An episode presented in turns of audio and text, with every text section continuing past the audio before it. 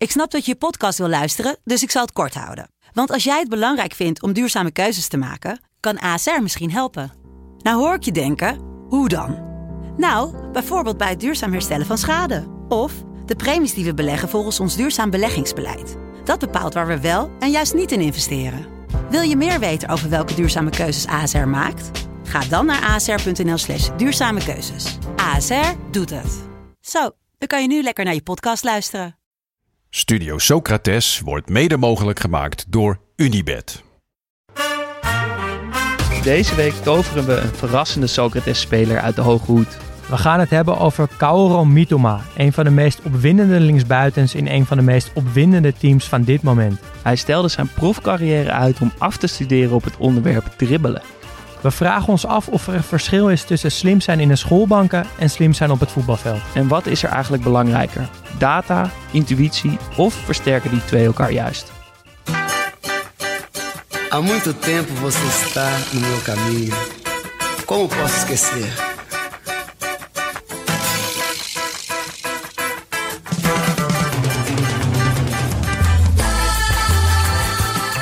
Welkom bij Studio Socrates, een podcast over alles wat voetbal mooi maakt.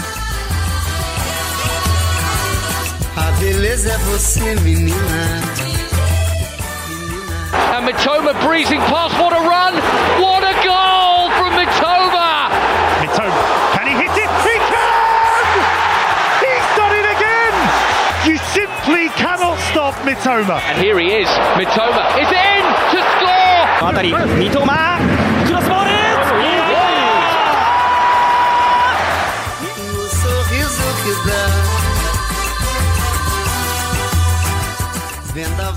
Buongiorno, Buongiorno, jezus. Er is weer iemand terug uit Italië. Toscane. Je had weer eens... eh, Een Toscaanse bruiloft. dat is een film ook, toch? Of niet? Ja, zeker. Ja. Heb je daar gespeeld? Nee, maar wel de voorloper Ja. ervan. Ja, welk was dat? Dat zeg ik niet. Nee? Google het maar lekker. De voorloper van een Toscaanse bruiloft. Ja, ja, ja. ja. Niet Maar op- was Toscaanse bruiloft dan een, een eh, deel 2 van een film? Nee, maar het was volgens mij, je had eerst dus die film waar ik in speelde. En, Ja. en dat was best, dat liep best aardig. Was wel echt de allerslechtste Nederlandse film aller tijden. Maar het was wel een kaskraker. Ja, eh, en toen kwam Toscaanse Bruiloft. En volgens mij daarna nog zo'n film van Johan Nijenhuis. Oh, ook ja. op een plek, een beetje romantisch komedie. Ehm, maar goed, hoe was het? Hoe, je, Ja. had, je had een bruiloft dus. Was het leuk? Ja, het was eh, heel leuk. Ik Diepe heb, zucht? nee, ja, het was ook wel zwaar moet ik zeggen. Want het waren nou, mensen van onze leeftijd. Dus die ook nog wel echt wel van een feestje houden. En eh, ja, op zo'n Toscaans landgoed kan dat wel heel goed. Want er zijn geen buren. Alle wat oudere mensen die sliepen op andere plekken. Dus er sliepen alleen maar jonge mensen. En dat eh, ja, was tot, tot heel laat s'nachts was dat te merken. Maar Weinig was heel voetbal leuk. gezien. Weinig voetbal gezien. Wel heel veel liefde gezien. Het was een hele liefdevolle bruiloft. dat en dat is toch wel echt het belangrijkste. is beter dan voetbal. Ja, nou, Je moet toch nee, dus, Ehm. eh, nee, maar ja, ook lekker om weer terug te zijn. Ehm, weinig voetbal. Interlandweekend is nu natuurlijk geweest. Eh, en dan begin ik toch, een beetje cliché is het, maar dan begin ik toch altijd wel weer het clubvoetbal te missen. Eh, en vooral, eh, ja, ik moest dit weekend veel denken aan Jozef Oosting. Kijk, Ja, het zijn niet veel weekenden waar je veel aan Jozef Oosting nee, denkt. die trainer van FC Twente. eh, ik vind het gewoon een hele sympathieke Ja. man. Ben ik helemaal met je eens. ik vind het volgens mij ook een hele goede trainer. Nu eh, nou, met Twente eh, 9 uit 3. Met een beetje geluk, eh, zonder die domme rode kaart van Juri Regeer, was het in Venerbatje ook nog goed afgelopen. Want die waren gewoon de eerste helft echt een stuk beter dan Venerbatje. Eh, de man komt uit een woonwagenkamp en straalt dat op een positieve manier ook uit of zo. Hij lijkt juist met wat moeilijkere jongens altijd goed contact te krijgen. Eh, gaat zich niet anders gedragen nu die trainer is bij een iets grotere club. Ehm, alle spelers lopen met hem weg. Ook de wisselspelers. Ik zag een filmpje aan het begin van dit seizoen na Hammerby uit. Dat ze rondom een Zweeds meer volgens mij een beetje aan het uitlopen zijn of zo. En dat Van Wolfswinkel de trainer in het water gooit. Nou, ik heb echt trainers meegemaakt bij wie je dat niet moet Nee. flikken. Maar hij pakt het echt heel goed op. Ik zie weer wat vleugjes Unufar eh, op het veld. nou, dat komt denk ik ook door Oosting. Staat niet eens in de basis, maar als hij invalt is hij blij, is hij vrolijk, voetbalt hij goed, laat hij mooie dingen zien. Uh, en tegelijkertijd is het volgens mij ook gewoon wel een straatvechtertje. Van je, ja, een trainer moet ook niet te lief zijn, moet wel ook wel boven de groep kunnen staan. En dat heeft hij ook. Um, dus ik ben wel benieuwd of hij niet uh, misschien wel na dit jaar of nog een jaartje Twente misschien nog verder kan doorgroeien. Of hij al de, of als Marie, Marie Stijn al uh, wordt ontslagen halverwege deze of dat niet gaat passen. Nou ja, of hij ja. dan een overstap maakt. Of, uh, kijk, we gaan het natuurlijk over Mitoma hebben. Of hij niet een toekomstig trainer van Brighton zou kunnen zijn. Leuk. Toch? Ja. Zou, zou op zich wel maar het gaat een beetje hard fan van uh, de Serbi. Ja, nee, dat is nog wel ander level. Maar Oosting, uh, nou, ik wilde even een lans ja, dus goed, dat heb ik goed. gedaan. Ik heb uh, afgelopen week een voetbalspelletje gespeeld. FIFA? Nee, een bordspel. Een bordspel? Een bordspel. Het heet Select 11. Okay. Wij moeten het een keer met z'n tweeën gaan spelen. Het is een soort kruising tussen Stratego en Wie is het? Oh, leuk. Met spelers van het Nederlandse elftal 2000. Oké, okay, dus het is een oud spel. Het, is, ja, het komt dus uit ja. 2000. Het is een officieel KNVB bordspel. En je moet oh, uh, een soort uh, opstelling opschrijven. Ja. En dan die spelers met allemaal kaartjes uh, die opstelling maken. Je kan verschillende formaties en dan verschillende spelers. 4-3-3 blink je naar voren. Precies. En dan is het aan jou de taak om te raden wat de, hoe de hoe jij dan in dit ja. geval... Hoe ja, ik mijn manschap heb uh, Ja, precies. Oké. Okay. Dus het is een soort uh, kruising. Te, ja, tussen en als je dat dan geraden hebt, dan win je. Ja. Maar het, je moet dus ook een beetje je tegenstander kunnen inschatten ja, van, uh, ja, gaat hij dan een reiziger op rechtsback zetten of gaat hij me nu verrassen met een of andere, met Numan of zo? Oké, okay, nou, klinkt heel leuk. Ja, Laten we dus we, gaan het een keer, we gaan het een keer spelen. Ik kreeg het als cadeautje, dus dat was, een, was een heel goed cadeau. Dankjewel. Ik weet niet wie het je heeft gegeven, maar dankjewel. um, dat was onze weekie. Ja. Um, maar we, we, maken een, uh, nou misschien toch wel een verrassende keuze deze week voor Kaoru Mitoma. Mitoma. Ik vond het heel verrassend en daarom ook heel leuk. Ja. Maar het is de, by far de meest onbekende speler die we behandeld hebben. Zeker. En um, ik zal even uitleggen hoe ik daarbij kwam. Want uh, op de planning stond eigenlijk een oude cultheld. Een typische Socrates-speler. Een nummer 10 die een beetje in vergetelheid is geraakt, maar onterecht. Um, maar ja, ik had het al een keer eerder gehoord. Maar uh, het kwam deze week weer een keer voorbij. Dat Mitoma, de Japanse linksbuiten van Brighton en het Japanse elftal, is afgestudeerd van zijn studie met een scriptie over dribbelen. Een univers universitaire scriptie over dribbelen. Ja. ja. En dat komt dan dus voor, door een van de spelers die op dit moment misschien wel een van de meest spraakmakende of energieke of verrassende uh, dribbles ter wereld ongeveer heeft. Zeker. Um, en het was dus, ik had het al wel gelezen, het was een beetje langs me heen gegaan. Maar het kwam deze week voorbij en het zat gewoon de hele tijd in mijn hoofd. Ik, ik, ik, wilde er, ik wilde die scriptie lezen. Ik wilde er meer over weten. Hoe het kan dat er een speler ook op zo'n universitaire, uh, rationele manier ook naar die sport kan kijken. En daarmee valt het heel erg, denk ik, binnen een soort Socrates plaatje. Je wilde gewoon een excuus om je onder te dopelen in Mitoma. Ja, en want ik heb ontzettend van hem genoten. Sowieso bij Brighton afgelopen seizoen en dit seizoen. Maar ook op het WK natuurlijk. Maar het verhaal is dus dat hij, hij kon de stap naar het profvoetbal maken op zijn achttiende. Sloeg een contractaanbod af om in de J-League te gaan spelen. Om nog twee jaar te gaan studeren. En daar, om zichzelf nog beter te maken op die manier. Niet dus alleen op het trainingsveld, maar gewoon in de schoolbanken wilde hij zichzelf nog beter maken. En dat, ja, dat vind ik zo'n vet gegeven. Ik liet me niet meer los we moeten het deze week dus over ja. Kaoru Mitoma hebben. Ja, en ja, fascinerend gegeven en fascinerend land ook. Uh, überhaupt, fascinerend voetballand toch ook wel, zijn we achtergekomen tijdens Zeker. het WK. Uh, ze hebben hele mooie spelers ook wel gehad in het verleden. Nakata natuurlijk, Nakamura, uh, met die schitterende vrije trap.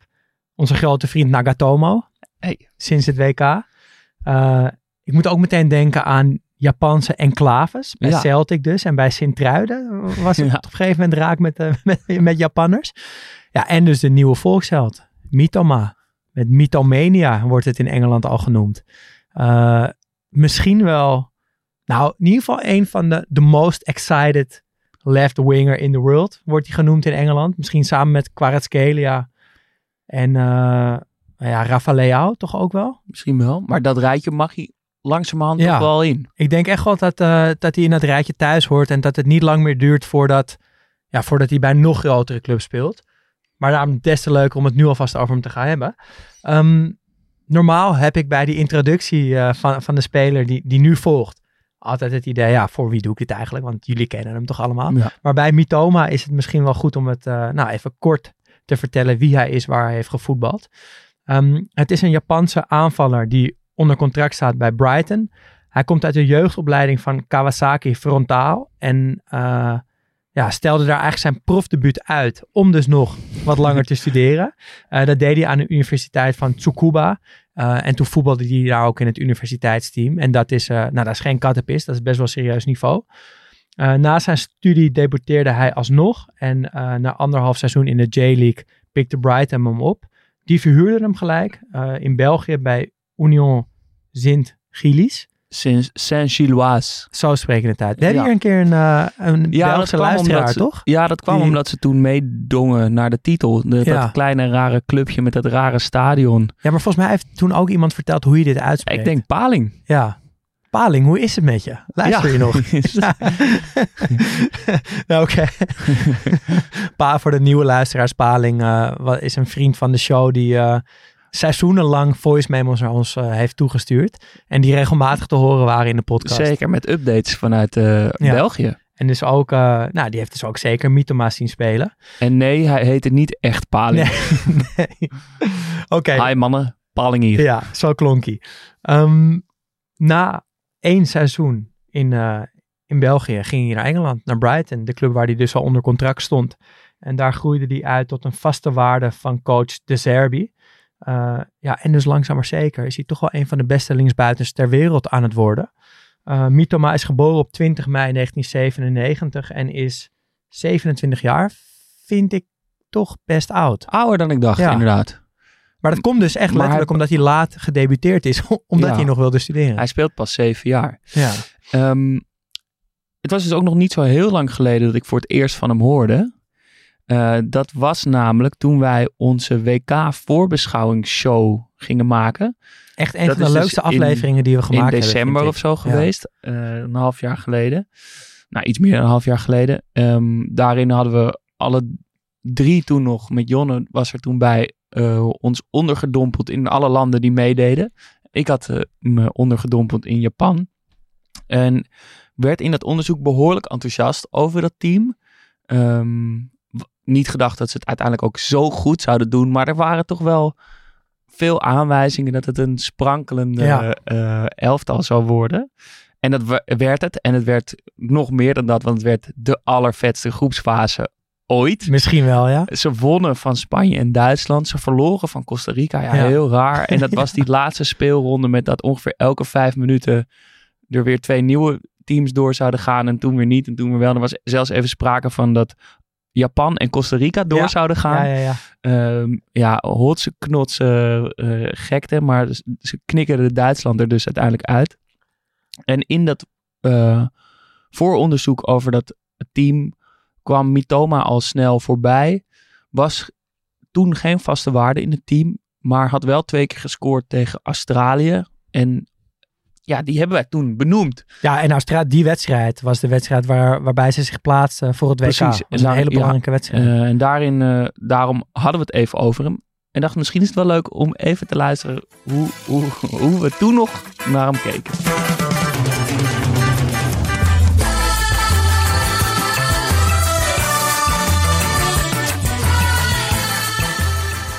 Ze hebben wel echt een, een lichting talentvolle jonge aanvallers. Eh Takefusa Kubo van Sociedad. Japanse Messi. Ja, werd in de jeugdopleiding van Barcelona inderdaad de Japanse Messi genoemd. Ritsu Doan, Daisen Maeda, Daichi Kamada van Frankfurt.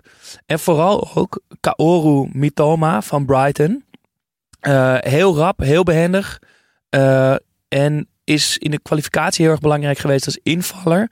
Schoot Japan ook hoogstpersoonlijk naar het WK. Won, schoot, scoorde in de, la, in de la, slotfase van de wedstrijd tegen Australië. Schoot hij er twee in. En vooral die laatste, ik heb die samenvatting even teruggekeken. Die laatste echt een prachtige goal waarin hij tussen twee man naar binnen kapt.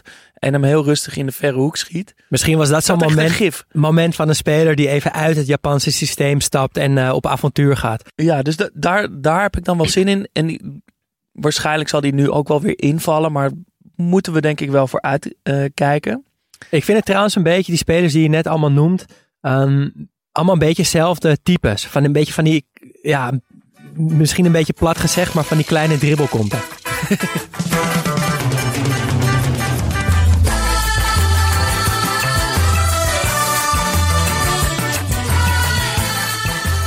Ik krijg eh, eigenlijk gewoon meteen zin in het EK komende zomer. Ik ook.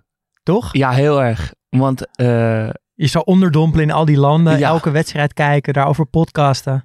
ja, elke dag een aflevering maken. Dat was echt he- heer. Het was natuurlijk ook sowieso los van het, dat het eh, in het lelijke Qatar was, was het qua voetbal een heerlijk eh, WK. Dus Ehm. trouwens, als Nieuw, onze, onze podcastbaas, als hij luistert, we willen elke dag. We willen elke dag.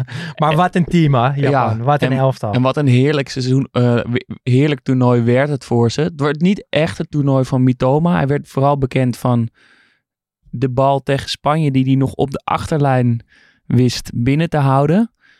Naar laat, ja, de, de VAR heeft er uiteindelijk eindeloos naar gekeken, maar kwamen er niet uit. Ehm, eh, uiteindelijk bleek dat de bal op 1,88 mm na niet in zijn geheel over de lijn was. En dat dus moment wordt dus nu Mitoma's millimeter genoemd. Ja. Ehm, prachtige foto zo van boven, dat je dat uitgestrekte been van hem ziet om die bal heen en die mooie witte lijn schuin door het beeld. Dat, daar kennen we hem nu vooral van, van het WK. Ja, Ik heb nog even die andere wedstrijden, die, de samenvattingen teruggekeken tegen Duitsland en tegen Spanje. En echt genoten. Doe dat nog even. Al is het alleen maar om die rare kleine eh, Nagatomo zo te zien juichen. Want die sprint elke keer als eerste van Ja. de bank. Het is heerlijk. ja, jij had hem dus wel al eh, redelijk in het vizier, eh, Mitoma. Ja, Hoorden we net. blijkbaar. Ja, ik, Toch ik weet gezien. dat ik gek was. Ja, ben ook eigenlijk wel van, van Kamada. Die nu bij Lazio Roma speelt. Maar dat Mitoma... Ja, ik... ik, Hij was toen ook nog vrij Ja, onbekend. hij wa- hij Bij- stond bij nog niet helemaal op mijn hij net doorgebroken. En dat geeft dus ook wel aan hoe ongelooflijk snel zijn eh, carrière ja, in een stij- stijgende lijn naar boven is gegaan eigenlijk. Ehm, en dat, ja, wat, wat we toen tijdens het WK gewoon zo leuk deden, dat je gewoon in zo'n land duikt. Ja. En nu gaan we dus weer een beetje die kant op. Eh, wa- maar waar moet je aan denken als je, als je aan Japan als voetballand denkt? Ja, veel toch wel. Want het is niet een, een typisch voetballand. Het is niet, als je aan een voetballand denkt, zal je Japan na, pas na een heleboel landen opschrijven, denk ik. Maar er is natuurlijk genoeg. Nakata in al die Nike eh, Scorpion eh, KO reclames. Celtic natuurlijk met Nakamura. Eh Keisuke Honda bij VVV. Die hadden ook, eh nou een enclave wil ik het niet noemen, maar twee of drie Japanners. Ja. ja. Ehm, zijn natuurlijk ook bekend van die gekke J-League retro shirts. Ja, de, de vreemdste shirts ter wereld, denk ik. WK 2002 natuurlijk in Japan en Korea. Eh, Kazuyoshi Miura, Kinkazu, de oudste profvoetballer ooit. Die is volgens mij nu 56. Speelt nog steeds. speelt nog steeds op Ja. het tweede niveau van eh, Portugal bij Olivarense. Ehm, en ook wel, ik dacht ook wel aan Japan als, als land waar veel voetballers een soort verrassend afbouwen. Snap ik misschien ook wel dat je nog een paar jaar in Japan gaat voetballen. Lijkt me wel leuk. Iniesta natuurlijk. Maar ook Lineker, Stoichkov, Forlan, Dunga, Laudrup, Podolski, Fernando Torres, David Villa en natuurlijk Ralf Seuntjes. Ja, Ralf Seuntjes op het derde niveau in Japan. Dat is toch ook mooi? Ja, Dus- maar die gunnen we het nu natuurlijk Ja, alles. 100 procent. ja, ik weet nog door mijn werk voor Goedemorgen Eredivisie dat Peter Bos en Ron Jans er ook gespeeld hebben. Ja, dat, was ik, eh, dat had Ja. ik niet geweten. En zij zijn allebei vorig jaar bij ons te gast geweest. En ja, dan verdiep ik me in, in de gasten en dan kom ik achter allemaal leuke feitjes. Dus ook dat zij eh, in Japan hebben gevoetbald. Verder trouwens echt weinig Nederlanders die die kant op zijn gegaan. Zeuntjes. Ja. En ja, Linse dacht ik nog aan, maar dat is Zuid-Korea. Daar vergist ik me eventjes. Lars Veldwijk zit ook in Zuid-Korea. Eh, er moeten meer Nederlanders naar Japan, vind ik. Ja, Een oproep. Brazilianen gaan trouwens wel vaak naar Japan. Eh, wat ik ook heel grappig vind, want dat zijn qua landen natuurlijk twee ontzettende tegenpolen. Eh, maar in Sao Paulo zit een gigantische Japanse gemeenschap. En daar hebben dus ook echt grote Braziliaanse eh, voetballers juist weer in Japan gevoetbald. Jij noemde Dunga al, maar ook Zico, Toninho Cerezo, Jorginho Bebeto, Cesar Sampaio en Hulk. Ja. In maar die begin, het aan zijn eh, begin nee, van zijn ja, carrière, in toch? het begin van zijn Ja. carrière. Bij dezelfde club als eh, Mitoma. Maar Mitoma was toen acht of zo. Ehm, maar Hulk heeft er ook gezeten. Dus dat is wel, dat is wel grappig. Ja, en het, nou ja, we, we onderschatten Japan dus een beetje als voetballand, maar dat is een beetje onterecht wel. In Japan heet het saka, een beetje op de Japanse manier van zeggen van soccer, maar ook futoboru. Ehm, en ehm, het is onterecht omdat er eigenlijk al heel snel, al heel vroeg het, het voetbal in Japan werd geïntroduceerd. Het schijnt dat in 1873 door de Engelse marine de Japanners al kennis maakten met het voetbal. Er stonden ontstonden heel snel heel veel universiteits- en bedrijfselftallen. En dat heeft nog steeds wel dus een grote invloed. Zeker de universiteitselftallen. Nationaal team werd in 1930 opgericht. Dat deden mee aan het WK. En al in 1921 werd de Emperor's Cup opgericht. En dat is nog steeds het nationale bekertoernooi. De beker van de keizer. Precies, is mooi toch? Ehm, en in eerste instantie waren dat ook alleen maar universiteitsploegen die daar mee mogen doen. En nu nog steeds kunnen die universiteitsteams zich via voorrondes plaatsen voor, die, voor dit bekertoernooi. Eh, en dat is dus ook die competitie waarin Mitoma ehm, ja, die twee jaar speelde toen hij dus in plaats van prof werd, ehm, ging studeren. En het werkt een, beetje zoals die college sport in Amerika ook werkt met die gigantische eh, universiteit, universiteitscompetities. Het is wel zo dat er pas in 1965 een soort semi-professionele nationale competitie werd opgericht, wat in 1993 de J-League werd. Ja, maar die universiteitscompetitie, die heeft dus in het leven van Mitoma eigenlijk best wel een grote rol gespeeld. Ehm, want hij besluit dus een studie te verkiezen boven een profcontract. Dus als hij eh, 18 is, dan eh, weigert hij eh, om in de A-selectie te gaan voetballen, maar wil hij lekker gaan studeren. Ja, Ehm, dat, en dat is dus heel wonderlijk, want het is niet zo dat hij denkt, nou, ik, ik weet niet of ik eh, het ga maken als profvoetballer. Ik wil iets achter de hand hebben, ik wil, Nee, wil het is een geen plan diploma. B. Het is niet dat hij dat inderdaad als plan B doet. Hij doet het omdat hij vindt dat hij nog niet klaar is voor het, het professionele voetbal in Japan. Dus hij denkt, nee, ik moet beter worden eerst. Ik kan het niveau nog niet aan. En in plaats van dat hij dat alleen maar op het trainingsveld gaat doen, wat hij natuurlijk ook doet, eh, kiest hij er dus voor om zich ook beter te maken door middel van zijn studie. Ja. Nou, dat, vaak is natuurlijk last, heb je eigenlijk bij voetballers last van overschatting. Dat ze denken, ik kan een niveau aan en een stap te snel maken. Maar dat iemand dat dan dus nog eerst een stapje terug wil doen. En dan ook nog eens op zo'n manier, dat vind ik echt fascinerend. Ja, en die universiteit waar die terechtkomt, dat, dat is de Universiteit van Tsukuba. Ehm, en nog heel even over die universiteitscompetitie. Ik vind dat, ja, in Amerika vind ik dat op zich ook wel vet, maar dan, ik heb daar eigenlijk nooit op die manier zo over nagedacht, van dat ik dat eigenlijk wel vet vind. maar toen ik dit zo las over die universiteitscompetitie in Japan, eh, en dat dat eigenlijk een soort van substituut is voor het verenigingsleven. En straatvoetbal bestaat niet echt in Japan, maar dat is allemaal zo universitair geregeld. En dat zorgt er ook voor dat het niveau heel hoog is. Want er zijn dus universiteitsteams die af en toe winnen van teams uit de J-League. Dus dat is alsof de UvA wint van eh, ja, Heracles of zo.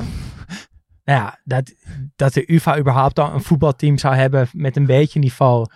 Nou, had ik best in willen spelen. En dat je dan zo goed bent dat je kan Ja. wedijveren met profclubs. Dat vind ik eigenlijk wel, dat vind ik echt vet. Ehm, en er zijn dus ook heel veel Japanse voetballers, ook uit de WK-selectie, die een universitaire studie gedaan hebben. Wat ook al heel veel. Ja, Gewoon dat gegeven is ook al geweldig. Gewoon een derde, 9 van de 26 spelers. Eh, dat is gewoon serieus veel, want in Nederland, ja, nul denk ik, of misschien echt op, ja, Ja, of één pas op twee. latere leeftijd. Misschien nog vaak. een later, na je carrière. Volgens mij heeft Edgar Davids dat bijvoorbeeld gedaan. Eh, maar hier vallen we al van zijn stoel af als Malasia aangeeft dat hij een boek leest. Eh, maar, Fifty Shades of Grey. ja, maar in Japan is gewoon een derde is universitair geschoold. En dat vind ik ook wel richting het voetbalveld een heel interessant punt. Want word je daar nou een betere voetballer van? Is het hebben van een hoog IQ, dus theoretisch geschoold zijn, in staat zijn om een universitaire studie te doen, heeft dat voordelen op het voetbalveld? Maakt dat je ook meteen een slimme voetballer? Ja, dat is toch wel een interessant gegeven. Er is natuurlijk wel een soort stereotype dat voetballers niet zo slim zijn. Ja, Misschien hoeft dat ook niet. Ik, dit is een hele platte, kort door de bocht gezegde visie wat, wat mijn beeld erbij is. Ik, ik weet dat niet goed. Ik weet niet goed hoe slim voetballers zijn. Maar je hoort natuurlijk wel eens interviews waarvan je denkt, nou, ga, ga maar lekker voetballen. ja. Eh, maar ik denk dat je met, met alleen voetbalslimheid en dan zeg maar een laag IQ behoorlijk ver kan komen in Ja. de voetballerij. Ehm, maar dat als je de echte top wil bereiken, dat je toch wel een soort analytisch vermogen of een soort rationele, dat je daar om echt op het hoogste niveau daar toch ook wel IQ bij komt kijken. Maar ik kijk, ik ken de man natuurlijk niet persoonlijk, maar ik herinner me nu in één keer dat eh Totti wel eens over zichzelf heeft gezegd dat hij ja, niet zo slim is. Eigenlijk Nou, volgens mij was altijd een beetje de- er werden toch altijd moppen verteld over Totti met zeg maar wat je in Nederland wel had volgens mij over Belgen moppen Ja. was in Italië Totti moppen. dom. Oké, maar dat was niet, dat was niet op Nee, de waarheid uiteindelijk heeft hij gebaseerd. dat een beetje omarmd Ah. Eh, en heeft hij ook een boekje uitgegeven met Totti moppen. Maar in het begin was hij daar helemaal niet mee eens. Ah, oké, oké. Ehm, ja, ik, eh, kijk, het is sowieso niet hetzelfde, denk ik. Nee. Eh, het hebben van een hoog IQ en voetbalslim zijn. Want er zijn voorbeelden ja, van spelers die niet per se hoog opgeleid zijn, een hoog IQ hebben, maar die pure voetbalslimheid. Ja, maar het- ik denk dat een IQ ook wel losstaat van een, van een opleiding. Ik denk als je een hoog als je profvoetballer bent, ja, dan heb je daarop gefocust. Kan je nog steeds een hoog theoretisch IQ hebben, maar geen op- opleiding hebben afgerond. ja. Maar ja, denk, maar als ik nu bijvoorbeeld kijk bij Ajax, daar, daar is Jorel Hato aan het doorbreken. Ehm, die heeft een mbo-opleiding afgerond. Eh, en die heeft op het veld, is die soort van perfect, lijkt het wel in het, in het inschatten van situaties. Wanneer moet ik doordekken? Wanneer blijf ik staan? Wanneer ga ik kort? Wanneer geef ik iets meer ruimte? Waar moet een paas naartoe? Wanneer geef ik die paas? Eh, Terwijl als je hem dan daarna weer voor de camera ziet, dan is hij niet het type wat dat haar fijn uitlegt. nee. Eh, dus dat, hoe ik dat dan interpreteer, is dat dat zit in hem. Die voetbalintuïtie, die Ja. voetbalslimheid, dat zit in hem. Eh, maar dat is niet per se, ja, ik denk wel dat, dat slimheid. voetbalslimheid dat dat hetzelfde is als, als intuïtie. ja, Ehm, en ik denk dat eh, een hoger IQ kan helpen daarmee. Maar ik denk dat je ook heel erg in de weg kan zitten. Als Ja, je dat je over alles gaat gaat nadenken. nadenken, en dan Ja. zie je risico's en dan word je misschien ook afwachtender of twijfelachtiger. Ehm, ik denk met, met alleen een hoog IQ en weinig intuïtie kom je echt nergens. kom je helemaal nergens. Dan nee. moet je beter coach worden. ja, en zelfs dan misschien zelfs niet. Nee. Want je hebt een soort van street smart-achtig iets nodig in de voetbalwereld. Uh, maar er zijn natuurlijk ook wel spelers waar het perfect samenvalt. En ik vind Frenkie de Jong daar een heel goed voorbeeld van. Die is op het veld heel slim. En die kan het ook nog eens voor de camera heel goed uitleggen. Dus daar merk je heel erg van dat hij intuïtief constant goede keuzes maakt. Maar dat als hij daaruit stapt en erboven gaat hangen, dat hij dat ook nog eens allemaal haarfijn kan uitleggen. Ja, je hebt natuurlijk voorbeelden als Chiellini en Akanji die allebei echt gestudeerd hebben Compagnie. en slim zijn, compagnie. Wat zijn volgens jou spelers die dan het meeste, het, zeg maar, die waar de, het beetje naar de andere kant toe doorslaat, die wel een hoog IQ hebben, maar misschien iets minder streetwise of iets minder intuïtie hebben? Ehm, nou, ik vind, kijk, Karel Eiting vind ik is heel slim. Vind ik ook eigenlijk een hele slimme voetballer. Eh, alleen die heeft dat wel heel erg omarmd, dat hij een slimme voetballer is. Ja, ja. En dat wil hij ook voor de camera heel graag uitdragen. En ik vind dat Arne Slot dat bijvoorbeeld ook een klein beetje heeft. Die, die weet van zichzelf dat hij heel goed over voetbal kan praten. En die doet het op een manier dat hij eigenlijk zijn gesprekspartner de hele tijd indirect een beetje aan het testen, kleineren is. Maar zijn, zijn de voetballers die op een medium niveau hebben gespeeld, maar daarna succesvolle coaches zijn geworden als Van Marwijk en Ten Hag en Slot en misschien Van Gaal ook wel mensen die dus een hoog IQ hebben, maar iets tekort komen aan voetbalkwaliteiten? Dat zou zomaar kunnen. ja. Mourinho? Ja, nou Mourinho weet ik dan niet, maar die andere vier vind ik op zich best wel in een, in een, in een rijtje passen. Ehm, ja, dus het, het is een soort van heel lastig. Ja, en je kan ook niet zeggen of iemand dom is alleen maar omdat hij niet gestudeerd heeft of omdat Nee, hij voor een camera verschijnt en, en Ja. niet een heel duidelijk verhaal. Ja, het is ook mediatraining en zo. Maar er is natuurlijk wel een stereotype over voetballers dat het niet de slimste zijn. Ja. En misschien ja, zit het je ook inderdaad wel in de weg om echt goed te kunnen focussen op dat voetbal en genoeg scheid te hebben aan alles en iedereen om je heen en gewoon lekker te gaan spelen. Moet je misschien ook niet te veel nadenken over alle consequenties. Nou, Mietoma denkt wel heel veel na, maar het Ehm, Ja. lijkt hem eigenlijk niet in de weg te zitten. Maar laten we eerst eventjes inzoomen, kort, op die scriptie van hem. Ja, want dat, daar begon de, Ja. daar, dat is Ja, het eigenlijk is de reden van van de deze aflevering. aflevering. Ehm, en ik wilde dus heel graag die scriptie lezen. Eh, kijken of er. Ja, het staat, is natuurlijk in het Japans. Kon hem ook niet in het Japans vinden online. Laat staan een vertaalde versie. Ik heb echt in de krochten gezocht. Er is een soort Engels uittreksel eh, van één A4'tje. Die heb ik gelezen. En er zijn wat screenshots van iemands iPhone-notities met een soort vertaalde fragmenten uit die scriptie. Dat heb ik allemaal gelezen. Ehm, en het nou, kan dus niet het hele verhaal vertellen, maar wel ongeveer uitleggen wat er is, wat hij heeft bestudeerd. De titel van de scriptie is Research on Information Processing of the Attacking Side in 1v1 Football Situations door Mitoma Kaoru. Zo'n zo'n heerlijke, eh, ja, saaie scriptie, Ja. thesis naam, Ja, toch? Ja, de, de naam is verschrikkelijk, maar als je dan hoort waarom hij dat is gaan eh, uitzoeken en wat hij daarna vervolgens heeft bekeken, wordt het toch wel echt interessant. Want hij legt uit dat het doel van zijn scriptie is naar het, door eh, te kijken naar de relatie tussen het atletisch vermogen van een speler en het vermogen om visuele informatie te verwerken. En dat is dus eigenlijk een beetje waar we het net over hadden, intuïtie versus eh, IQ. Wat is- de relatie daartussen? Eh, het atletisch Ja, maar- vermogen staat dan een beetje voor intuïtie en visuele informatie verwerken voor eh, Ja, slimheid. Ja. Een beetje. Ehm, en daarna schrijft hij, daarmee is het ook het doel van de scriptie daarmee het, eh, de, zijn eigen sportieve kwaliteiten te verbeteren en om trainers en coaches in de toekomst te helpen om beter te kunnen sturen op het dribbelen. Nou, wat heeft hij gedaan? Hij heeft van dat universiteitsteam, wat dus best een, ehm, een, hoog niveau is, heeft hij de tien beste dribbelaars en de elf minste dribbelaars in twee groepen verdeeld. Hij heeft ze allemaal GoPro's opgedaan, heeft die op, ko- op hun kop geplakt en ze allerlei één op één, één tegen één dribbelsituaties laten spelen.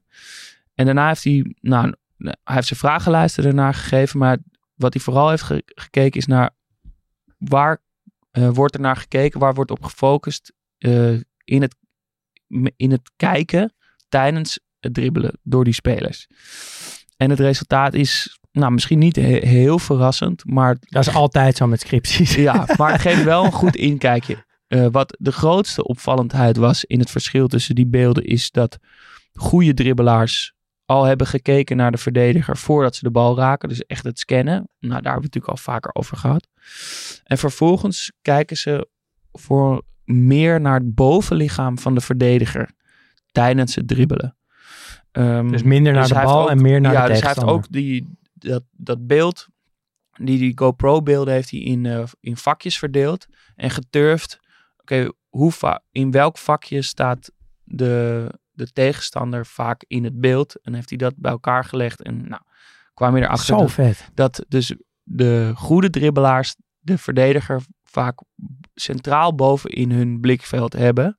En dus vooral focussen op hun bovenlichaam. Ehm, nou, dat is dan dus een beetje kort door de bocht de conclusie van de, van de scriptie. Maar ehm, het leuke is dat uh, Mitoma daarnaast ook veel meer bezig is geweest met het dribbelen.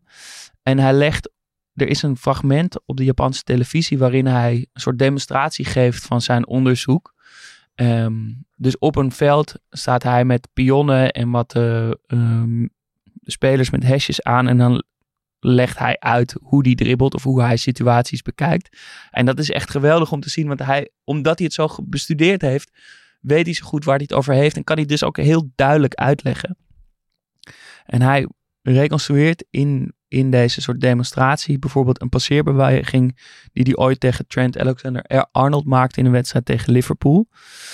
Um, nou, dat hebben ze dan helemaal uitgetekend op het veld. Dus hebben de verdedigers precies op dezelfde plekken gezet. En hij staat daar met die bal aan zijn voet en legt uit wat hij doet.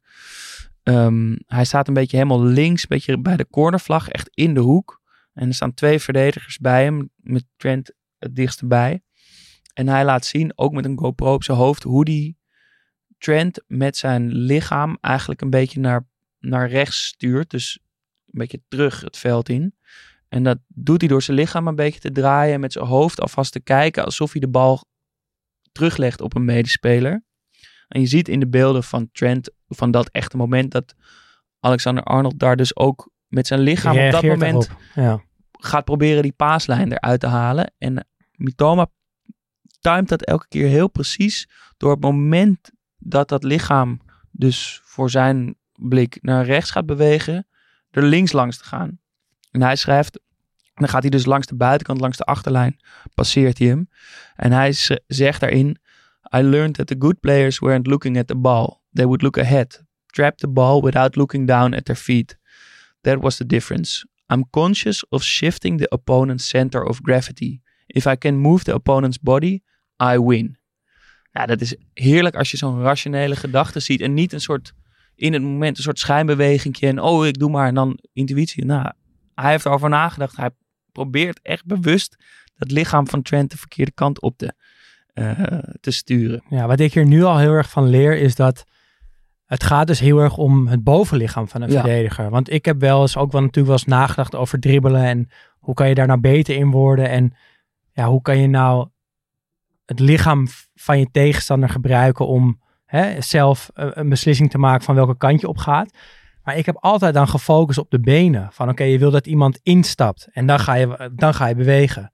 Maar dat instappen, dat begint dus misschien al met een kleine beweging in iemands bovenlichaam. Ja, want met dat bovenlichaam het, eh, wat hij schrijft, en dat geloof ik ook wel, verandert het zwaartepunt van ja, het lichaam. maar dat is het moment. Ja, want dat met je, je- benen kan je nog wel iets oplossen. Maar als, Ja. dat- als je bovenlichaam helemaal naar rechts beweegt, is het heel moeilijk om nog eh, aan te passen. En dan ben je dus te laat. Nou, hij heeft dus naar meer elementen van het dribbelen gekeken. Dus niet alleen naar dat, het blikveld, wat hij in zijn scriptie schrijft. Maar hij is dus voor zichzelf ook met allerlei dingen aan de, aan de slag gegaan. Hij is natuurlijk met een diëtist naar zijn eh, dieet gaan kijken. Hij is met een, eh, een, een personal trainer aan de gang gegaan om te kijken hoe hij zijn lichaam, welke dingen in zijn lichaam die sterker moet maken om sneller te worden of om beter controle te hebben. Maar één ding wat hij ook heeft gedaan, wat heel interessant is, wat hij ook uitlegt in dit fragment, is naar zijn sprinttechniek. Dus niet de techniek per se met de bal, maar in hoe hij zo snel mogelijk eh, vooral het kan opstarten. En hij, legt een heel, hij heeft een heel mooi moment zit er in dit filmpje. En ik, zal de, de, de link in de show notes, show notes zetten. Waarin hij uitlegt dat de meeste eh, aanvallers, of, en verdedigers trouwens ook, als ze de bal aan hun voet hebben, dan draaien ze hun voet eigenlijk of naar buiten toe, dat je met de binnenkant kan tikken. Want nou, dus Ja. je kan hem niet met de punt van je schoen die bal of eh, voor je uittikken. Dus je doet het of met de binnenkant, of je draait je knie juist een beetje naar binnen en je raakt hem, je houdt je voet eigenlijk dwars ja. naar binnen toe gericht.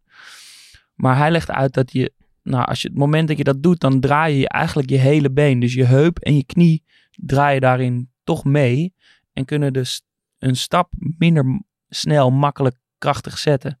Dus wat hij doet, en dit is een techniek die hij zo uitlegt, heeft afgekeken van Neymar, die ook heel snel is op die eerste meter, is dat hij de bal pas raakt halverwege zijn stap.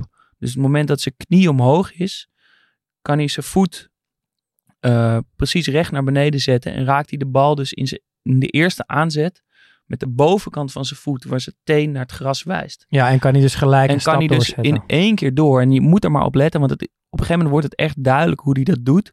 Is dat die eerste aanzet echt heel snel en, en explosief is. En dat komt dus onder andere doordat hij dat met de bovenkant van zijn voet die eerste stap En ik zie ook gelijk wat je bedoelt met het Neymar voorbeeld. Want die heeft het ook. Die kan inderdaad uit stilstand gewoon een bal heel, heel simpel eigenlijk langs iemand Ja. meenemen. Maar dan is hij meteen weg. Ja, en daar zit dus altijd even een klein, al is het maar 20, 30 centimeter ruimte verschaffen door met je lichaam of met je manier van kijken de verdediger een klein beetje de andere kant op te lokken. En dan, pats, ben je er in één keer vandoor.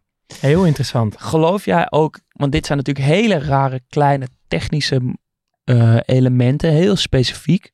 Geloof jij dat, dat dat soort kleine dingetjes trainen en bestuderen echt veel invloed hebben op het spel?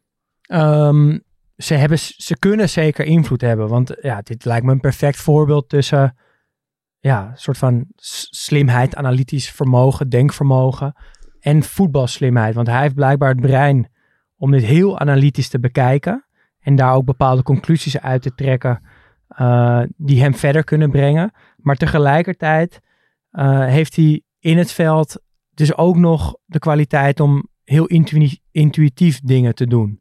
En ja, in het geval van Mitoma denk ik dus wel dat dit soort hele kleine technische aanpassingen hem een betere speler hebben gemaakt. En hij lijkt bijvoorbeeld in Engeland en ja, iets mindere mate in België, want daar was hij in het begin even geblesseerd, maar in Engeland gewoon echt geen aanpassingsproblemen te kennen. Terwijl dat verschil in niveau zo ontzettend groot is. Eh, Ik, ik denk inderdaad dat dat wel. En- dat je op intuïtie kan je zo moeilijk vertrouwen. Dat Ja. moet er gewoon ontstaan of zo. Dat is vorm. Je moet maar hopen dat je dat, dat die je niet in de steek Ja. laat. Maar met dit soort technieken en dit soort rationele eh, dingen kan je, daar kan je altijd op terugvallen, toch? Je weet Ja. altijd dat als die verdediger die kant op, op beweegt, dat je hem met die eerste snelle meter er langs bent. ja, maar je moet wel het brein hebben om, om, om dit aan te kunnen. Ja, maar Dit het, het- kan- ik kan me geven, het, gaat zo, het gaat je zoveel vertrouwen geven. Ja, maar ik kan me dus ook wel echt voorstellen dat, dat je moet, als je dit in een wedstrijd allemaal wil toepassen, dan moet je echt op heel veel dingen tegelijk letten. Ja. Eh, en als je dat bewust wil doen, ja, dan moet je, dan moet je wel kunnen, ja, kunnen processen, zeg maar. Dat is wel ingewikkeld. Maar bij Mitoma is dat, ja, werkt het. Want hij, zijn brein kan dat aan. Denk je ook dat clubs, of ja, ik weet ook niet in hoeverre mate dat gebeurt. Er wordt natuurlijk wel looptraining gegeven of naar sprinttechniek Ja. wel gekeken. Maar Dat gebeurt al heel lang, Hele kleine, Ja. minieme verschillen met welk deel je van, van je voet de bal v- voor het eerst raakt. Dat, dat, dat daar meer aandacht naar moet. Nou, ik denk dat daar wel nog een hele wereld te winnen is. Want ik weet bijvoorbeeld van mijn broertjes die allebei hockey op eh, profniveau. eh, dat in die hockeywereld bijvoorbeeld best wel wordt neergekeken op, op voetbal als in dat heel veel dingen die heel erg trainbaar zijn, dat daar relatief weinig op getraind wordt. Eh, en dat het in andere sporten veel meer gebeurt. Eh, en als je dit zo hoort, dan denk je, ja, hier kunnen profclubs echt nog wel veel stappen zetten. Maar tegelijkertijd ja, vind ik het ook een romantisch idee. En eh, ja, wi- wil ik dat ook op een of andere manier niet te veel Ja, loslaten is- van, van er is ook gewoon iets als, als talent en het moment. Tuurlijk. En laat het eens los allemaal en kijk wat er dan gebeurt. Maar het voelt dus ook een beetje alsof je als, als kleine, als kind al je techniek moet, moet eh, aanscherpen met het schieten tegen een garagedeur. En als je dan eenmaal bij een club komt, dan moet dat er al zijn. En dan Ja. gaat het vervolgens alleen nog om positiespellen en dat soort dingen. Maar dat, dat, dat, die basistechniek, die moet je eigenlijk uit je eigen training halen. Hoe bedoel je? Nou, dat, dat, dat eindeloos tegen een muurtje trappen wat je doet als je tien bent of zo. Dat je daar je techniektraining eigenlijk vandaan haalt. En dat dat, dat er later bij een club niet meer zo heel erg op Nou, die kleine je bent elementen wordt gefocust. Nee, maar kijk, zo'n zo'n bal, balvaardigheid en zo, dat wordt constant de hele tijd getraind Tuurlijk, maar, natuurlijk. maar zo'n Mitoma heeft zelf bedacht, oh, hoe Ja. kan ik nou sneller zijn in die eerste ja. meter? ja, maar dit is natuurlijk zo klein, zo Ja. miniem. Maar daar, ja, ik, Maar het wordt wel een groot wapen van hem daarmee. ja zeker. Dus, het, dus er zijn maar ik denk ja, dus dat het vrij specifieke speler is bij wie dat past, bij wie dat kan. Dat denk ik wel. Ehm, maar ja, hij heeft die scriptie afgerond. Ik weet, weet jij wel, eigenlijk welk cijfer die heeft gehad? Nee, weet ik niet. Nee? Hij is sowieso geslaagd. Ja, hij is geslaagd. Eh, en hij tekent dan, eh, of eigenlijk gaat dan zijn profcontract in bij Kawasaki Frontaal. Ehm, en hij is dan eh, 22 jaar. Dat is best wel laat. eh, dat hij debuteert in, eh, in Japan. Maar in zijn eerste seizoen is hij meteen goed voor 13 goals en 12 assists. En ook in de beker scoort hij er lustig op los. Waaronder één keer in de finale tegen Gamba Osaka. Eh, Heerlijke naam. ja, heerlijke naam, ja. En dan een seizoen later, en dat maakt hij niet af, want Brighton koopt hem dan halverwege. Maar ook dat seizoen is hij op dreef. Hij scoort 12 keer eh, en maakt dus de overstap eh, naar Europa. Eh, Brighton koopt hem en stalt hem in België. In België bij Union. Ja, daar heeft hij dus een klein beetje opstartproblemen, maar dat komt deels door blessures en nou, misschien toch ook wel deels dat hij een beetje moet wennen aan het voetbal in Europa. Misschien ook wel aan de cultuur. Ja, dat is natuurlijk helemaal niet gek. Eh, hij speelt 21 wedstrijden, waaronder behoorlijk wat invalbeurten. Hij scoort vijf keer en geeft vier assists. Best aardige cijfers, geen topcijfers. Ehm, de ommekeer in dat seizoen is een hat-trick tegen Serrain. Eh, ik keek die, eh, die samenvatting en ik zag dat daar die Mika Tatse, die Ajax nu heeft gekocht, stond eh, bij de tegenstander in de spits. Ehm Mitoma komt in de wedstrijd in de rust in de ploeg en gaat spelen als een soort van linker wingback. Klinkt een beetje gek, alleen hij krijgt telkens de bal, of tenminste heel vaak de bal, wel echt op een linksbuitenpositie. Eh en hij kantelt die wedstrijd persoonlijk met een hat-trick. En daarin, ja, dat zijn wel typische Mitoma. En nou, dat dribbelen hebben we het net al lang over gehad. Het is zijn allergrootste kracht. Gaan we het zo nog een keer even kort over hebben. Maar er is ook nog een ander aspect wat me opvalt aan hem. En dat is zijn manier van afwerken. Want hij heeft een beetje, als je ja, een beetje goed kijkt naar wat hij doet met het afwerken, is dat een beetje dat Thierry Henry-achtige. Van heel erg om je linkerbeen heen lopen om met je rechter binnenkant af te kunnen werken. En dat doet hij heel beheerst. Ehm, ook als die bal een beetje onder hem ligt, kan hij met een hele korte, maar wel gevoelvolle balbehandeling die bal de lange hoek insturen. Eh, en dat is een goede kwaliteit om te bezitten. En dat lijkt altijd heel makkelijk. En ik denk dat de techniek daarvan ook best makkelijk is. Alleen keepers lezen het ook vrij makkelijk. Dus je moet dat toch goed en snel uitvoeren, wil dat succesvol zijn. Lijkt me ook wel iets wat Mitoma dan eindeloos geoefend heeft en geanalyseerd. Dat en denk ik wel, ja. Ik denk dat Mitoma bijvoorbeeld wel... Ja, misschien kijkt hij ook wel heel lang naar de keeper met afwerken. Dus als stel dat de keeper inderdaad herkent dat hij zo om, om zijn linkerbeen heen loopt. En nou, zal hem nu wel in de lange hoek gaan sturen. Dat hij snel kan switchen naar de korte hoek. Ja. Wat hij ook wel inderdaad vaak doet. Ja, En ja, dat is ook een beetje wat er ook in zijn spel ligt, is dat hij, je verwacht natuurlijk met zo'n rechtspoot aan de linkerkant dat hij vaak naar binnen kapt en dan de verre hoek zoekt. Robben. Robben, maar Ja. dan gespiegeld. Eh, maar hij lijkt eigenlijk nooit heel erg met dat eindstation bezig te zijn. Hij doet, het zijn allemaal eigenlijk een soort, hij gaat elke keer dat duel aan en dan bekijkt hij, oké, wat zijn mijn opties nu? Het is, het is allemaal heel analytisch voor mijn gevoel, die momenten. En dus zijn er ook vaak momenten dat hij denkt, nee, buitenom is nu de beste kant Ja. om te passeren. Waarbij hij dus verkeerd uitkomt eigenlijk. En daardoor is het echt een geweldige kwaliteit van hem om dan, terwijl hij zo ver naar buiten, eigenlijk op zijn verkeerde been uitkomt, zijn lichaam nog zo kan opendraaien en in de verre hoek kan tikken. En in, ja, een beetje in de verte was natuurlijk de manier waarop je die bal binnenhoudt op het WK. Ja, Ja, is ook, eh, heeft daar toch ook wel een klein Ja, beetje mee te maken. dat doet hij wel met links. Maar Ja. vervolgens, nou ja, dan, ja dat, maar die houdt hij ook heel knap, want hij stuitert Precies, hem ook een beetje op zijn eusiels voor de goal weer. Eh, maar dat is, ja, los van die scriptie, toch wel eens wat ik denk een beetje zijn handtekening. Die korte, elke keer nieuwe situaties. Want we moeten de invloed van die scriptie toch een beetje nuanceren. Ehm, want eh, het is niet zo dat hij alleen maar kan dribbelen. Dat hij zo goed is geworden met dribbelen door die studie. Hij was al een hele goede dribbelaar. En koos het onderwerp voor zijn maar studie. niet uitzonderlijk, hè? Niet uitzonderlijk. Hij is wel beter geworden. Maar het is niet een soort kip of het ei verhaal. Nee. Want hij koos een onderwerp wat hem goed lag. Waar hij makkelijk mee kon afstuderen. Omdat dat dribbelen al heel erg zijn kwaliteit was. En hij zei vorig jaar in een, ehm, in een interview ook... I can say the thesis has almost nothing to do with my current playing style. I chose the theme because it would be easy for me to write about. I simply needed to finish my deg- degree. I think it's been focused on more in Japan and exaggerated so far. I want to tell you people that. Ehm, dus hij heeft ook al een grote, goede intuïtie. Hij heeft al die voetbalslimheid. Ehm, en heeft dit natuurlijk wel gebruikt. Maar hij zegt, ja, ik heb het dus ook wel weer een beetje losgelaten. Dus laten we dat een beetje, die scriptie een beetje aan de kant schuiven. Maar nou, ik heb veel beelden van hem zitten kijken. En wat ik denk, wat daar wel, wat je wel kan terugzien daarin, is dat, eh, is die één op één situaties in het dribbelen. Dat heeft hij zo uitvoerig bestudeerd dat, dat dat ook een soort op zichzelf staande momentjes in zijn spel lijken te zijn. Het is een beetje, en ik, ik heb het nooit helemaal gespeeld, maar volgens mij werkt dat zo dat je bij die Pokémon spelletjes Ik heb dit Game Boy dat je dan een beetje zo rondloopt, random, en dan opeens poink a wild uh, appears. Dat dat bij hem ook Een Wild Charmander. Bijvoorbeeld. geen, Pokémon. Ehm, a wild Virgil van Dijk appears.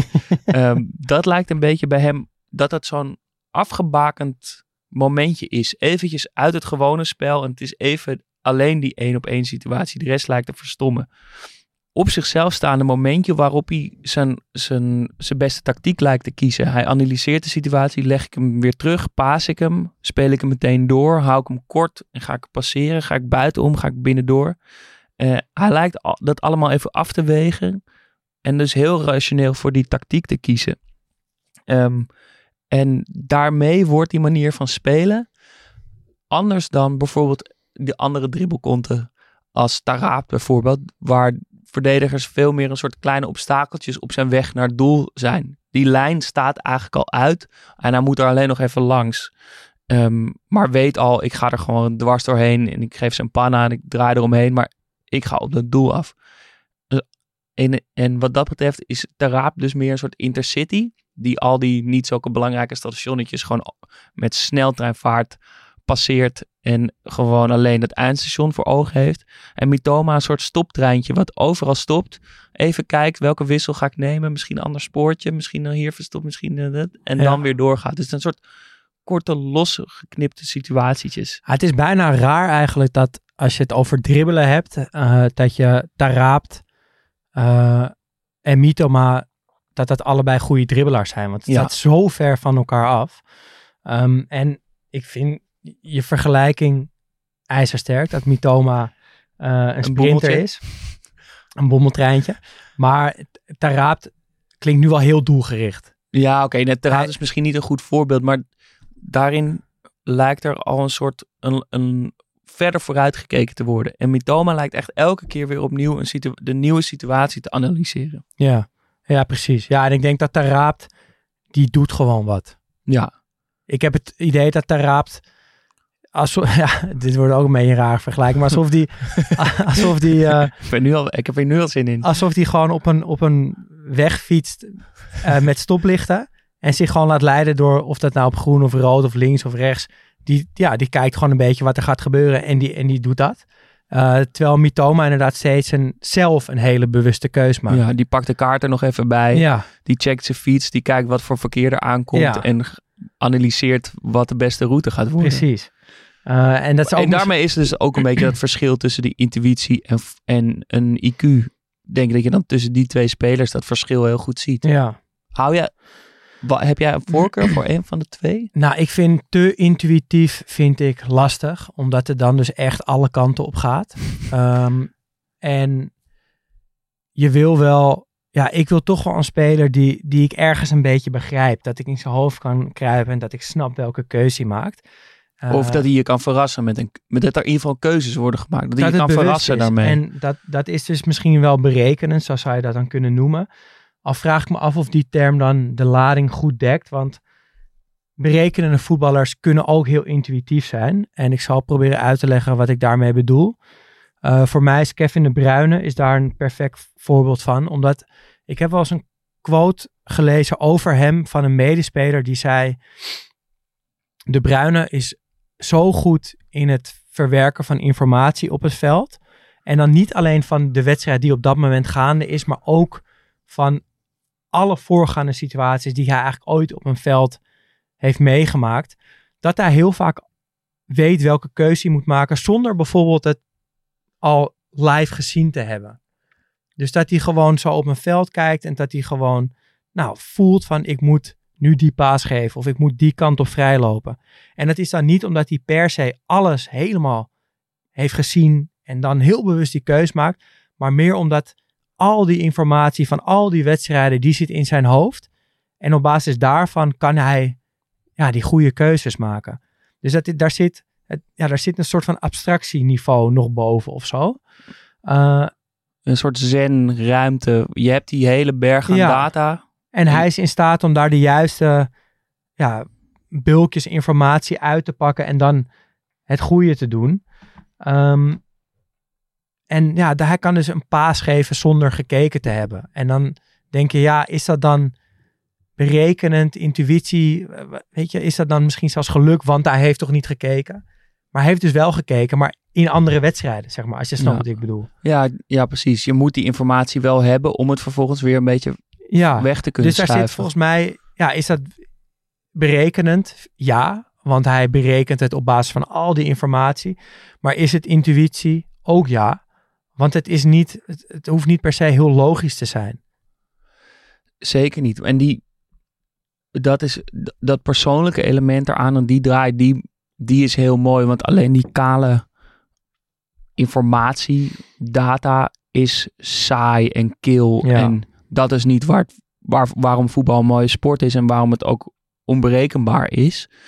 Ehm, maar er is wel heel veel. Ik kwam ook, ja, ik kwam in een soort eh, dribble hole terecht met allerlei onderzoeken en, en eh, statistieken en pijltjes op, op verschillende manieren hoe je het strafschopgebied zou moeten inlopen en expected Ja, goals. gewoon met hoe je dit- volgens data het best kan dribbelen. ja, en dat, dat is wel interessant om te lezen, maar ja, je hebt er geen zin in dat, dat spelers alleen maar op die manier gaan spelen.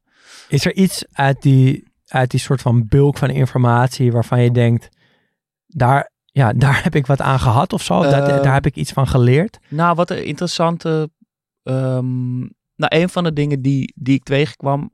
eh, was het recht op de verdediger afdribbelen. Is de beste, je beste tactiek. Want stel je voor, je houdt het, het veld breed aan de linkerkant. In Mitoma's geval. Dan is je. En er staat een verdediger een beetje de binnenkant af te dekken. Dan is jouw intuïtie. eh, om maar erbij te houden. Natuurlijk een soort. eh, je wil dan er langs. Ja. Dus je gaat langs het lijntje, ga je gewoon diep rennen en hoop je dat je daarmee om die verdediger heen Ja, of juist heel erg naar binnen toe natuurlijk. of naar binnen Ja. toe kapt. Ehm, maar je wil die verdediger ontwijken. Ehm, maar wat er dan gebeurt is dat, nou stel je, je kiest ervoor om langs de lijn diep te rennen met die bal. Het enige wat die verdediger hoeft te doen is een, zeg maar, een stap naar rechts te zetten. eh, Om, die, om die, dat pad naar binnen toe af te blijven schermen. Hij hoeft niet meer te twijfelen, hij hoeft niet te kiezen. Eigenlijk staat er al vast wat er Ja. gaat gebeuren dan. En het enige wat hij hoeft te doen is afschermen. En jij rent vervolgens vanzelf die bal over de achterlijn. Maar wat je doet met het recht op een verdediger afrennen, is het hem dwingen een keuze te maken. Je ziet natuurlijk vaak dat een verdediger dan een beetje achteruit voor de bal meerent. Om dat moment uit te stellen. Om jou proberen te dwingen met zijn lichaamstaal. Maar ja, je kan op elk moment nog ja. links of rechts eh, om.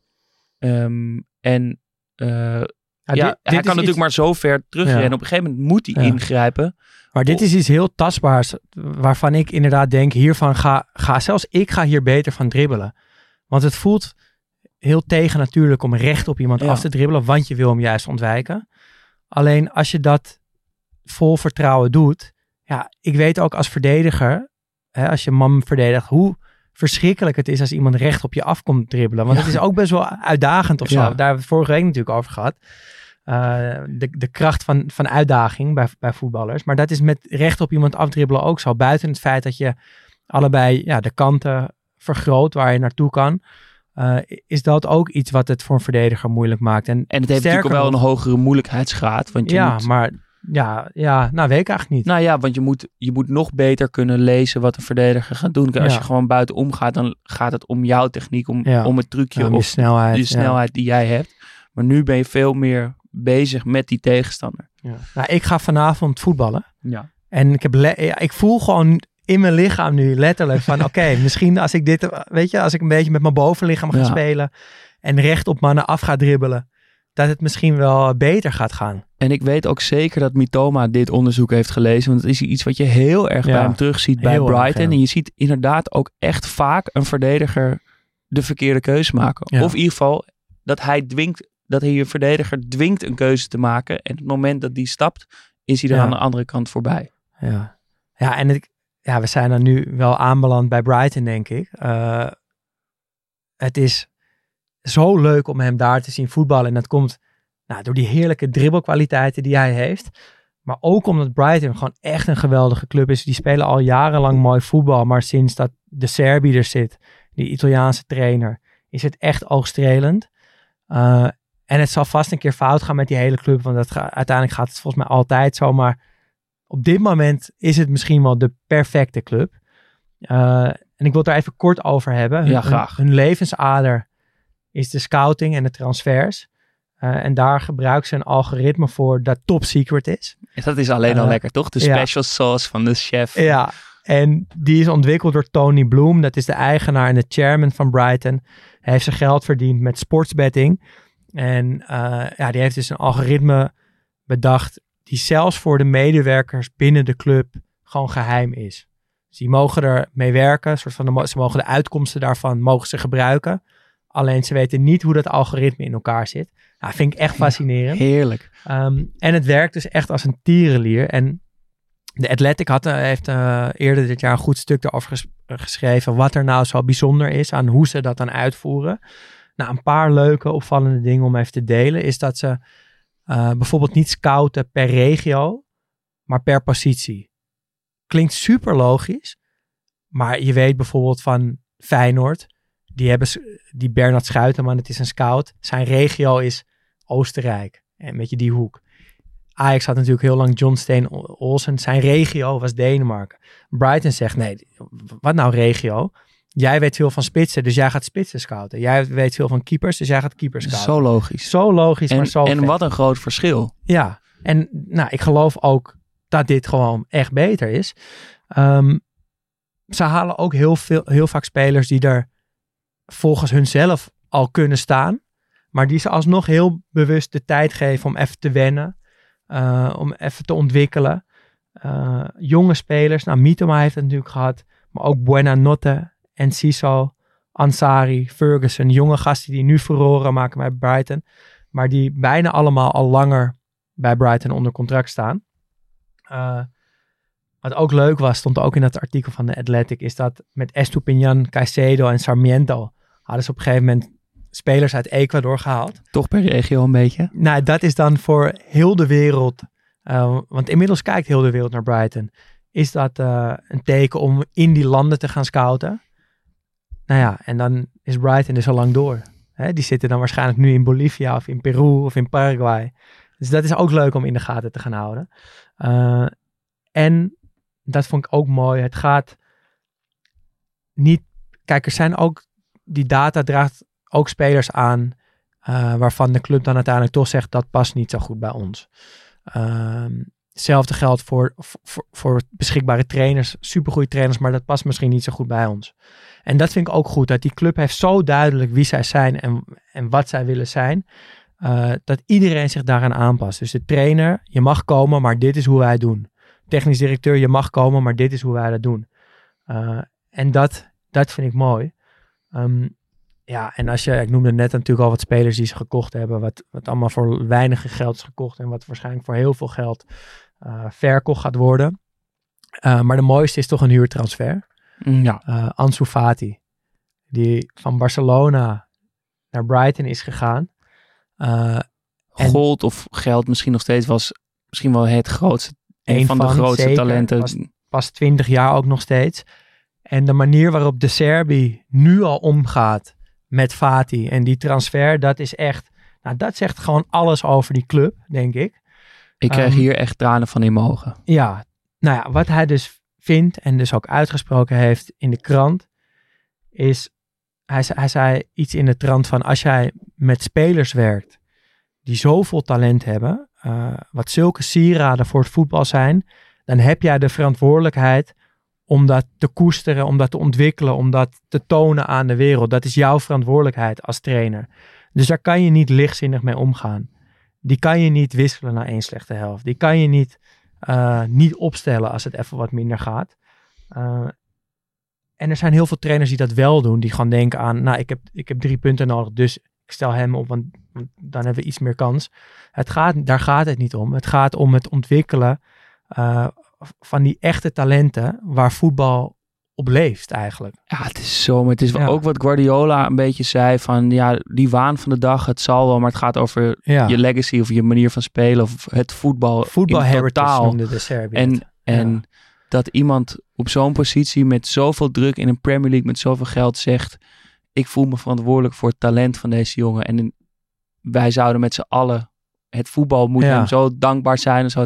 Nou, dat, ja, ik kan er echt bijna tranen van Ja. in mijn ogen krijgen. Nou ja, dus dat maakt die club en die man het zo bijzonder. En ja, hij was bij Sassuolo, hè, had hij mijn mannetje Berardi onder zijn hoede. Dat is, moet Is het nog steeds je man? Ja, nou, wacht maar tot we op rechtsbuiten aankomen straks.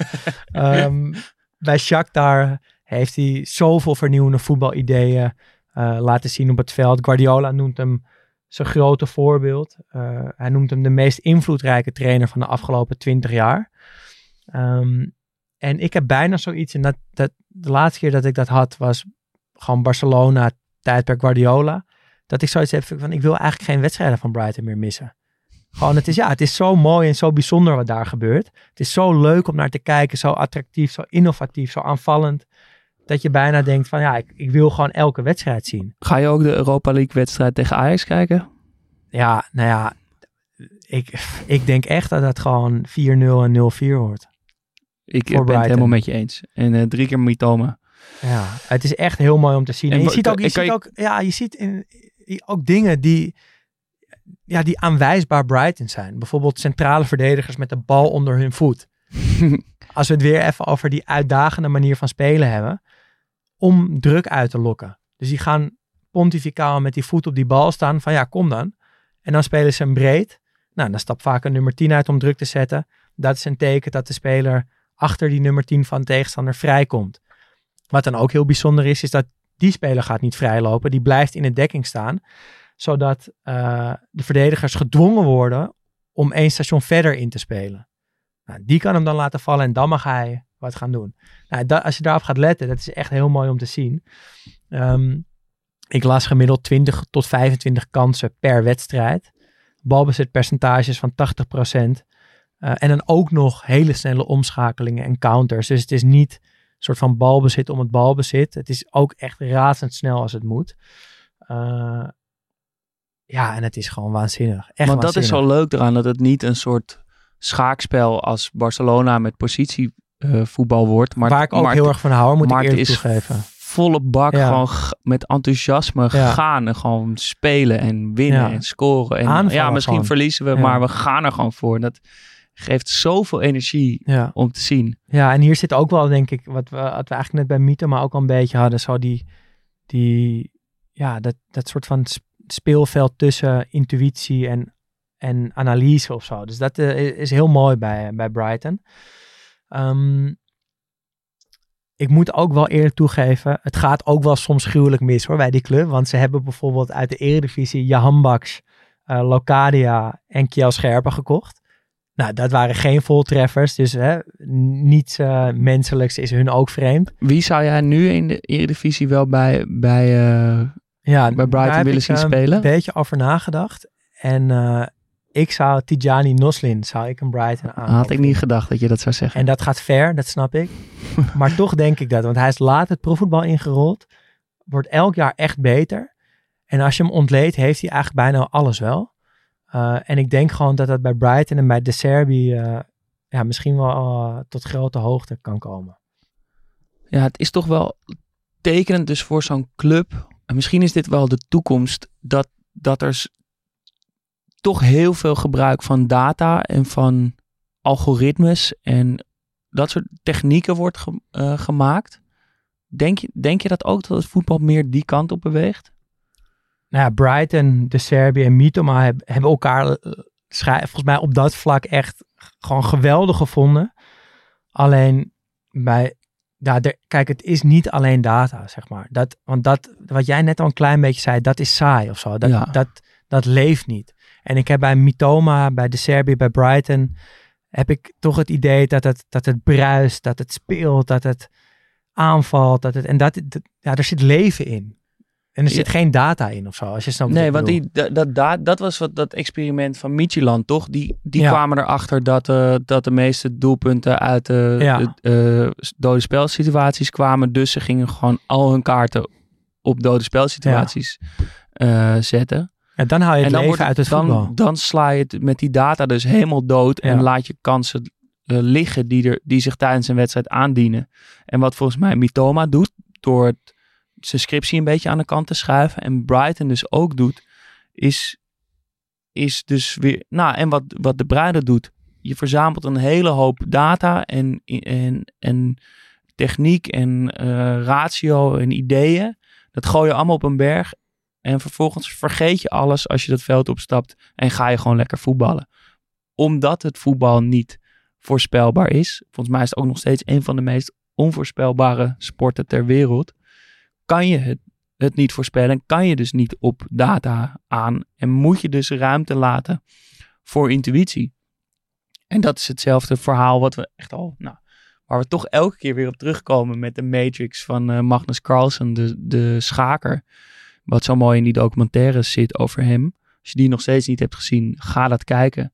Want hij, er is in een wedstrijd verliest hij van iemand die heel rationeel met data bezig is. En op een gegeven moment besluit hij, ja, fuck it. Laat maar, ik ga gewoon lekker schaken. En vervolgens Maakt hij hem helemaal kapot. ja, Ja. krijgt hij een lach op zijn gezicht. Gaat hij onderuit zitten en gaat hij gewoon lekker spelen. En, en maakt hij hem in een paar eh, zetten helemaal kapot. En dat is volgens mij wat Brighton doet en ook wat Mitoma doet. Ja.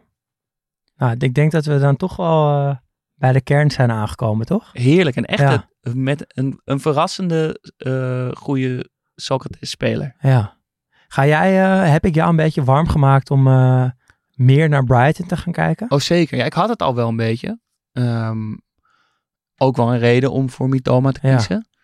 Eh, maar nu, ja, ja, het is toch zo vaak met het maken van een aflevering dat je er toch van gaat houden en fan wordt. Echt. Mitoma, Japan, Brighton, de Serbië. Wat een leuke aflevering. Ja, ja, In ieder geval om te maken. Ik hoop dat jullie het ook leuk vonden om te luisteren. Ehm, Maar we zijn er nog niet, hè? nee, we zijn er eh, nog niet, want we gaan naar de fanshoppie. Ja. Ja, ehm, de winnaar van de Interpoppetjes van vorige week, die heeft eh, bericht gehad eh, via vriend van de show. Ehm, die, eh, nou, die krijgt die poppetjes, die hele mooie Interpoppetjes toegestuurd. Maar we hebben natuurlijk weer wat nieuws voor... eh, ja, voor de vriend van de show. We, nou, kort, eh, we verloten dus elke week een item uit de fanshoppie die er echt binnenkort nou echt aan gaat zitten komen. Ehm, eh, onder de vrienden van de show. Dus ben je dat nog niet, wordt dat. Dat helpt ons sowieso. Maar daarmee maak je dus ook kans op eh, items uit de fanshoppie. Eh dit keer wordt het een t-shirt van Maldini. Het is een beetje een raar shirt. Ik heb het in de krochten van Vinted gevonden. Er staat een EA Sports logo op. En nog wat, ja, ik weet, het zal wel van een soort evenement of een release geweest zijn. Je hebt hem nog niet eerder Maar er is een, een afbeelding van Maldini en er staat nog wat tekst bij en een EA Sports logo. Vreemd ding, eh, maar daardoor extra leuk. En die kan van jou worden. Dus www.vriendvandeshow.nl slash Studio Socrates. Daar heb ik eh, weer een eh, mooi postje gewijd aan dit shirt. Reageer daaronder. Het maakt niet uit wat je reageert. Als je maar reageert. En je maakt kans. dat kan al vanaf 2,50 euro per maand of een eenmalig bedrag. Kan ook meer dan 2,50 per maand zijn. Wat je wil. We zijn overal super blij mee. Vrijdag hebben we het over de linksbacks. Dan staat de, de verdediging van de Studio, hele Studio Socrates Silasau staat dan al vast. Hou Dan je van die positie? Ja, ik hou wel van linksbacks, ja. Misschien wel meer dan van rechtsbacks op een of andere manier. Moet een linksback links zijn? Ja, dat denk ik wel. Met buitenspelers kan je natuurlijk zo'n inverted winger hebben, maar met Bij backs is dat Bij toch wel backs is dat anders, hè? Ja. Nou, je hebt wel nu natuurlijk de nieuwe back die ook mee een beetje naar binnen komt. ja, maar die zijn toch ook wel vaak gewoon dan met hun been toch Ja. aan de goede kant. Nou goed, Ja. eh, vrijdag, eh, ik weet trouwens, ik alles ben, over. ik ben eh, vroeger in, toen was ik echt zo boos, jongen. Toen zat ik bij zo'n KNVB jeugdselectie. En toen moest ik linksback voetballen. Ja, ik was echt woest. Maar zijn dat toch altijd een beetje de neurtjes van het Ja, elftal? ja, daarom. Nooit Meer meer. dan rechtsbacks? Ik heb geweigerd. Nee, was ik maar zo stoer. nee, ik heb er gewoon netjes gespeeld. Maar zijn linksbacks, staan die onder in de pickorde van rechtsbacks? Nee, nee, rechtsbacks. Die zijn het laagste. Ja, ik denk het wel. ja. ja, dat denk ik wel. Sorry, rechtsbacks die luisteren. Eh, wie stond er ook weer op rechtsback? Bij ons? Ja? Reiziger. Oh ja, Reiziger. Nou, geen nuurtje. Nee, zeker niet. Eh, tot vrijdag.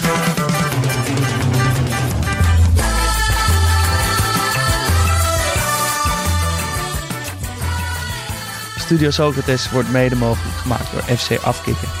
We zijn te vinden op Twitter en Instagram, studio-socrates. En op vriendvandeshow.nl slash studio-socrates kun je ons dus al steunen vanaf 2,50 euro per maand. En maak je elke, kans, elke week kans op een product uit onze eigen vriendshop. Ja, dus eh, doe dat. Twijfel niet, word vriend van de show. Eh, en je kan ons ook nog mailen als je wilt. studiosocratespodcast.gmail.com Tot de volgende.